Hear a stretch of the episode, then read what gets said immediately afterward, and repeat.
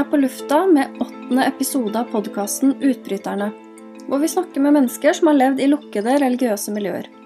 Anette Isen her, og vi har med oss Hilde Langvann fra Hjelpekilden Norge, som er en frivillig organisasjon som yter hjelp og støtte til mennesker i problematiske religiøse bruddprosesser.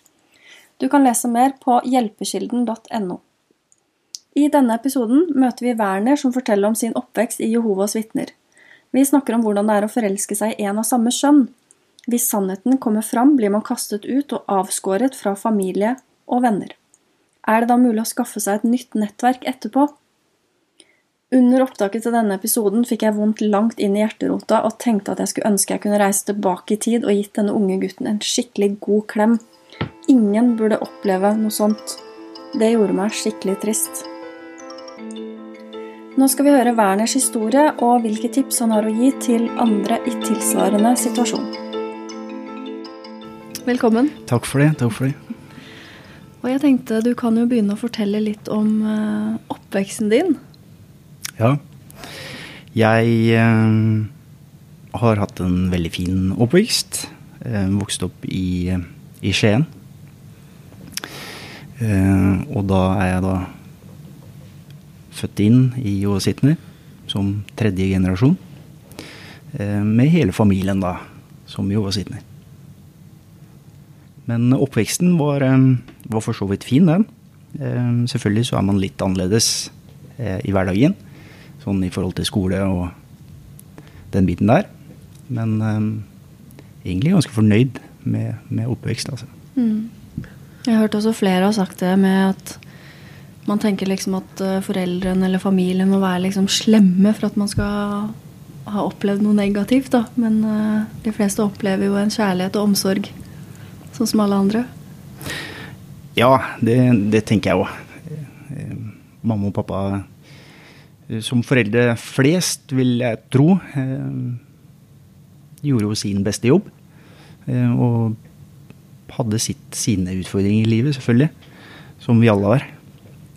Så, jeg, så jeg, jeg, tenker jo at de gjorde, gjorde, det de kunne for mm. at vi barna skulle ha det bra. Og på eh, skolen og sånt, eh, merka du sjøl at du var annerledes?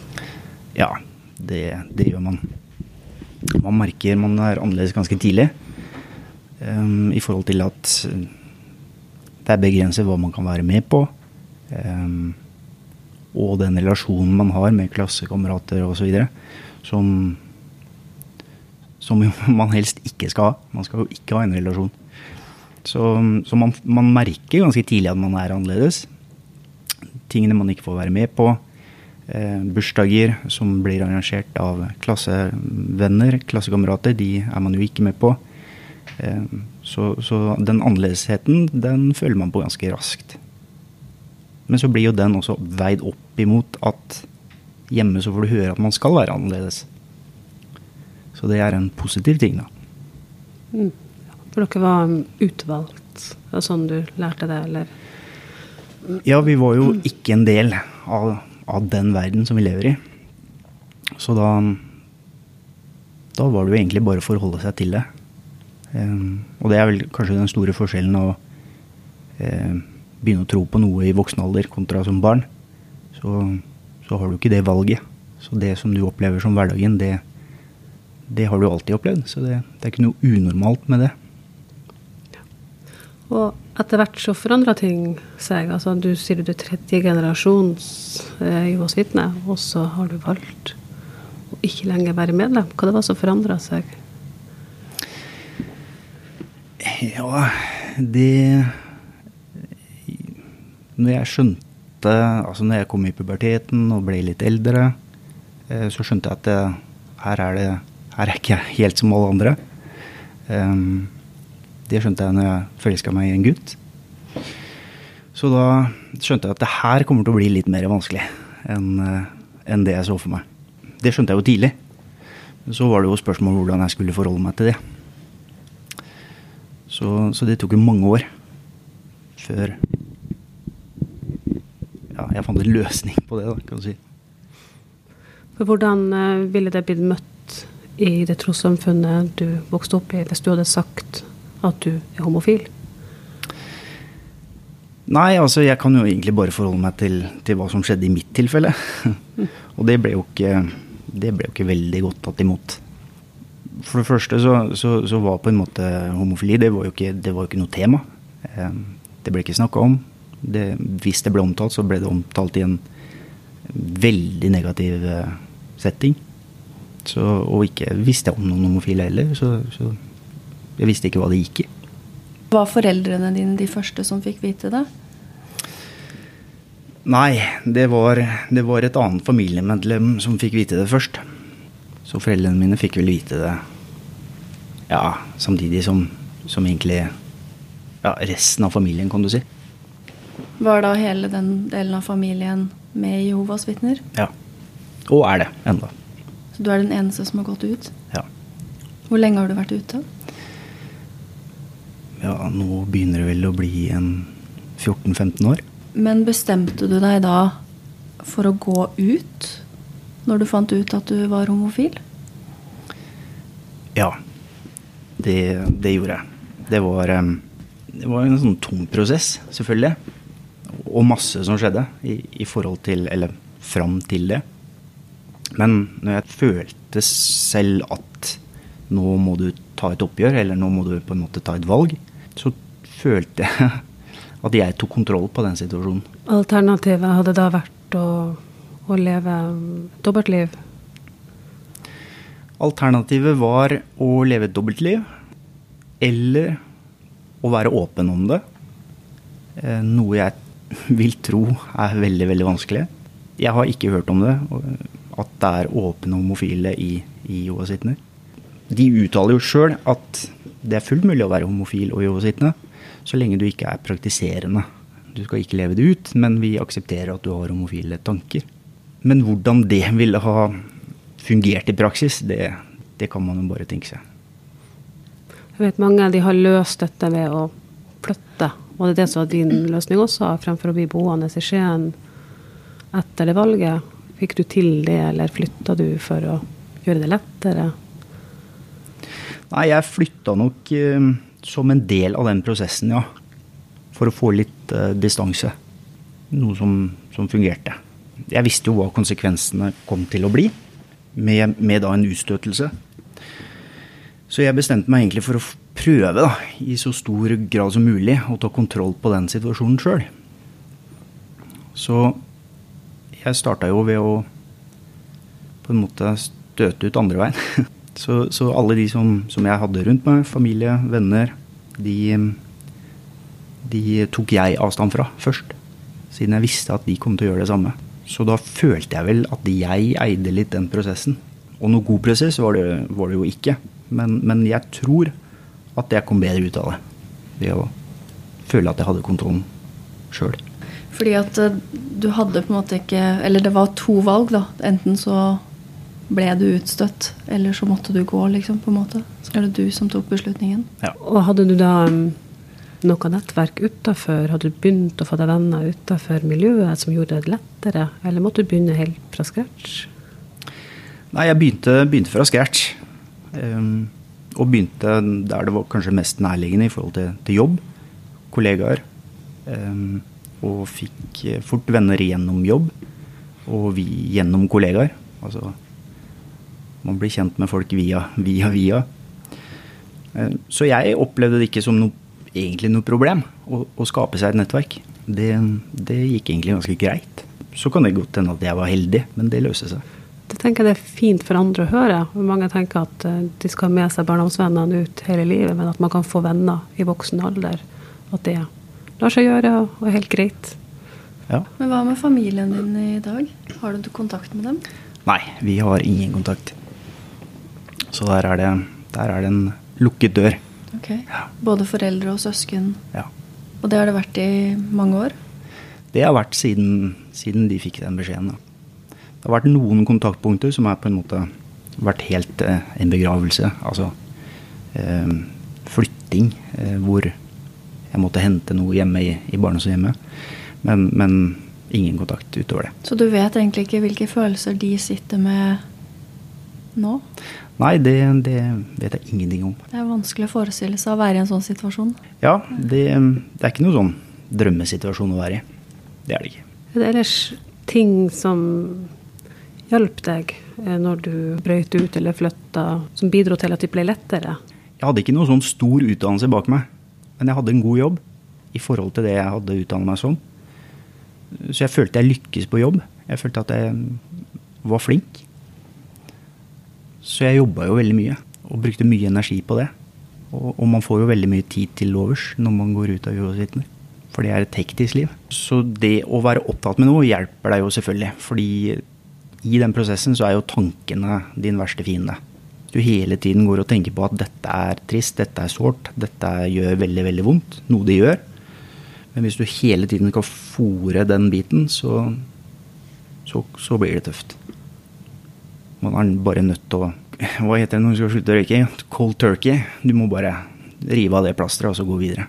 Men det jeg sitter og tenker på, da, for jeg har jo ikke selv vært i Jehovas vitner, det er eh, Altså familien din i den situasjonen, hvordan forklarer de, de, det her? Altså at de ikke har kontakt med deg? Det må jo komme noen spørsmål til de, liksom. Hva, hva skjer med sønnen din? Nei, altså De har jo sitt nettverk i menigheten.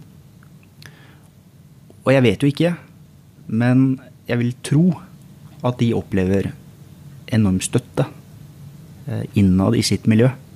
Fordi at det er dem det er synd på. Det er dem som har mistet en sønn. Eh, det er de som har det tøft. Uten at jeg vet, så, så, så, så tenker jeg jo det. At de opplever støtte fra miljøet sitt. Men samtidig så, kan det jo godt hende at de jeg, Fra min tid i Jovasitner så vet jeg jo at det er et miljø som, hvor det snakkes mye. Om det ble sett Det ble sikkert ikke sett så veldig positivt på. Nei, for det blir veldig sett på som at du har tatt et valg med å bryte med sannheten, med å bryte med Gud. At du har gjort et aktivt valg sjøl. Og at da ligger ansvaret hos deg. Jeg vil regne med at det er sånn det blir forklart. Det er klart det at eh, alder har jo også noe med det å gjøre. Jeg var 27 da jeg gikk ut. Hadde jeg vært 17, så hadde det kanskje vært eh, tøffere, fordi da er det kanskje mer ansvar på foreldre. Eh, at ikke de har gjort en god nok jobb. At ikke de har på en måte videreført eh, sine leiesetninger bra nok til meg. At ikke de har bidratt til å gjøre meg åndelig nok sterk, eh, kanskje. Men, men siden jeg var såpass voksen, så, så, er det litt utenfor deres kontroll. Jeg tenker litt på det her med hvert som andre har fortalt. Det er ikke sikkert at det her er noe som har vært problem for deg, men andre som har opplevd det her med å bli da formelt utstøtt og da miste familie og, venner og bli valgt bort, selv om du da tok den ut, motsatte, den, den utstøtsprosessen. Så likevel um, så er det jo det som er konsekvensen.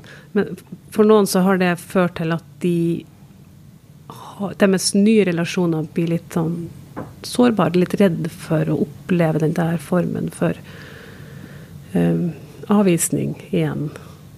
Er det noe du har kjent på etterpå i nye relasjoner du har hatt? Ikke, ikke bevisst, men, men kanskje, kanskje, ubevisst. Og, og hvis, hvis, man tør å tenke den tanken lenger, um, så kan det jo være at det har hatt en effekt på relasjoner som jeg har eller har hatt.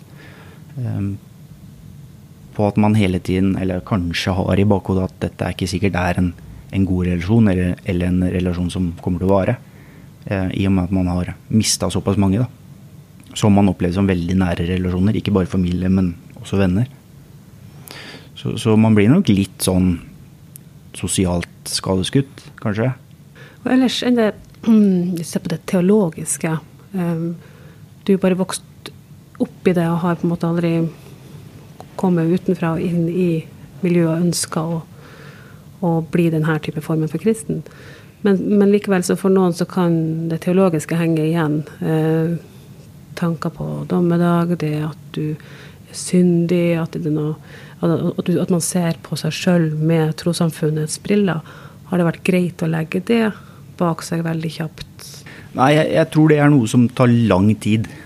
Eh, og, og, og, tid er liksom nøkkel, nøkkelen her, da. Det er, det er, nødt til å gå lang tid. Fordi eh, i hvert fall når du er oppvokst i noe, og du har fått høre én type sannhet eh, fra du var barn, så tar det veldig lang tid før det, før det forsvinner.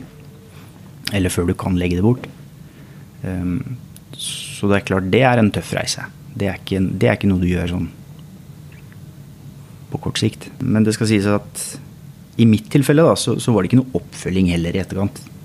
Eh, veldig mange får en ganske tett oppfølging. Eh, gjerne med besøk av eldste og mange samtaler osv. I mitt tilfelle så, så, ble ikke det gjort. Hvorfor, det vet jeg ikke, men, men uh, ja. Så du fikk bare gå, rett og slett? Jeg fikk gå. Ja. Men hva tenker du om det? Hadde du håpet på at de kom etter deg og skulle prøve å få deg tilbake? Nei, tvert imot. Uh, når jeg tok mitt valg, så, så var jeg veldig trygg på det. Eh, så jeg hadde ikke behov for det. Men, men, men skulle, skulle Joa Sittner ha fulgt sine retningslinjer, så har jeg skjønt at det, det absolutt skal være på plass. Mm. Så, så, så, det har jeg lurt litt på i etterkant, fordi jeg har ikke mottatt noe formell, noe formell brev eller en, en, henvendelse som på en måte bekrefter min status. Så, så det vet jeg egentlig ikke. Så du er kanskje medlem ennå? Ja, det, det, det, tviler jeg sterkt på. Eh, men, men, eh, men ja, i nysgjerrigheten sånn, så, så, så, har det vært litt sånn Hvordan skjedde den prosessen egentlig? For jeg var ikke en del av den. Nei. Var det foreldre som tok kontakt med, med, med, med, den menigheten i Oslo som jeg sogna til? Eller eh, altså Det er litt vanskelig å si. Det var, det var i hvert fall aldri to vitner involvert. Men hva tenker du om det livet du lever i dag? kontra oppveksten din. Har du tatt med deg noen ting? Altså både positivt og negativt? Det er masse, masse positivt å ta med. Jeg hadde som sagt en fin, en fin barndom, en fin oppvekst med fine foreldre. Um, og gode venner. Uh, hele den biten. Um, så jeg er takknemlig for det. Selv om, selv om, ingen av de er der i dag. Eller det ikke er noen jeg har noe med å gjøre i dag. Um, på den mer negative sida, da, så vil jeg kanskje si at man grep ikke alle mulighetene når i, i utdannelsesprosessen f.eks. valg av skole, valg av utdanning um, Der hadde man litt skylapper på. Så hvis jeg skulle gått tilbake, så hadde jeg, så hadde jeg gjort ting annerledes. Men livet er også for kort til å gå og angre på ting eller sørge over ting som, som skjedde eller ikke skjedde det er veldig viktig å ha fokus framover. Og da er jo kanskje Jehovas vitner ikke kjent for å pushe på at man tar en utdanning? Nei, det, tvert imot. Du skal jo helst ikke ta en utdannelse. I så fall så skal du ta en utdannelse Jehovas vitner har bruk for. Eller noe du kan bruke, eh, gjerne et håndverk som du kan, kan bruke i, i, den nye verden. Så, så det, det, er noen begrensninger der, ja. ja jeg, jeg, tror jo at veldig mange som, som har en sånn oppvekst har gode muligheter for å gjøre det bra på skolen. Fordi at du, du fra, fra, du er liten, så, så, så, får du på en måte en opplæring i å sitte i ro, eh, følge med på møter, lese, skrive. Eh, du får en sånn ekstra god bagasje da, eh, som du kan dra nytte av i, skole, i skolesammenheng. Noe jeg også følte at, at jeg fikk. Sto jo på talerstolen da jeg var seks år og holdt tale foran menigheten. Og da da kunne jeg jo lese og skrive. så, så, absolutt mye positivt i det. Men så er det jo litt synd hvis man da ikke bruker det til noe. Altså i voksen alder. At ikke du på en måte benytter evnene dine til å ta en høyere utdannelse. Det er mange som har brutt med Johs vitner, som selv 20 år etterpå sliter med angst for hvorvidt kanskje det var sant likevel at Harmageddon kommer. Har du noe sånn dommedagsangst, eller er du helt fri for det?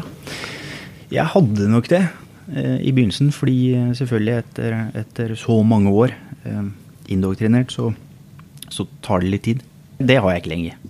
Og, og det, i, i, mitt tilfelle så, så, handler det om å ja, til, til, å begynne med så, så, forholdt jeg meg bare ikke til, til den gamle troen eller, eller de læresetningene jeg vokste opp med. Um, men i det siste så har jeg gått litt etter i sømmene sant? og undersøkt litt uh, sjøl. Og det du finner da, det Det, det hjelper jo på, For da innser man jo eh, hva, hva som ikke stemmer. Tenker ellers er Vi i Hjelpekilden vi får eh, veldig ofte henvendelser fra unge homofile menn som tar kontakt med oss. Tenk Hvis du skulle ha gitt råd til en kanskje på 18-19 år, og som er Jovas vitner, og som er homofil, hva ville du ha sagt? Jeg ville ha sagt at uh, det går veldig fint. Men, men, men jeg, jeg hadde nok vært forsiktig med på en måte å gi for mye råd. Fordi jeg tror hver situasjon, hvert liv er veldig unik da, og veldig forskjellig. Eh, Det er forskjellig hvordan familien kommer til å ta det. Det er forskjellig hvordan man selv eh, har det med seg sjøl. Det er mange som, som syns det er tøft å, å komme ut av skapet sånn sett i, i verden, eh, hvis man kan bruke det uttrykket. Eh, men, men, å gjøre det samme innenfor et såpass strengt religiøst eh, samfunn, det er, det er, mye tøffere. Så det er vanskelig å komme med konkrete råd, annet enn at mest sannsynlig går det veldig, veldig fint. Man kan i hvert fall få et godt liv. Absolutt. Man Kan få et veldig bra liv. Det, det er det ikke tvil om. Og samtidig så, så tror jeg det er, det er smart at man vet at det finnes andre som, som, har gjort akkurat det samme, og som det har gått kjempebra for. Eh, det, jeg kjente ingen hvis det kom noen eh, eks-Jehovas-vitner som, som, hadde kommet ut av skapet. Opplysning er viktig. Prate om det er viktig. Men så tenker jeg også hvor mye lettere det er i dag. La oss si at du hadde levd på 60-tallet. Bryte med det miljøet er én ting, men det er jo ikke bare å